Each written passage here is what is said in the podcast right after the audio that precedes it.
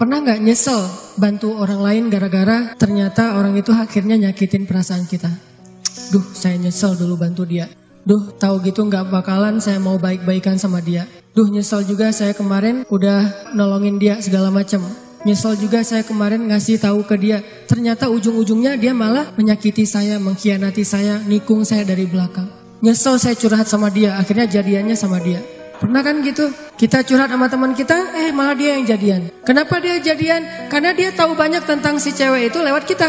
Dan cewek ini nggak ngerti, kok kamu pengertian banget, tahu banget tentang apa yang saya suka dan nggak suka. Padahal itu hasil dari observasi kita kan ya. Kita udah observasi sekian lama, udah gitu kita curhat, dia tinggal ngambil hasil skripsi kita tentang si cewek ini nih. Dia pelajari, oh curhatnya berarti dia nggak suka ini ini, warna kesukaan dia ini, akhirnya ngasih kado ulang tahun warna yang dia suka. Jadian sama teman yang kita curhatin. Gimana? Apakah kita merasa amal kita jadi sia-sia? Enggak. Kalau kita bertransaksi dengan makhluk, mungkin sia-sia. Tapi kalau kita berdagang dengan Allah, nggak ada yang sia-sia sehingga tetap tenang. Lagi-lagi baliknya ke Allah Subhanahu.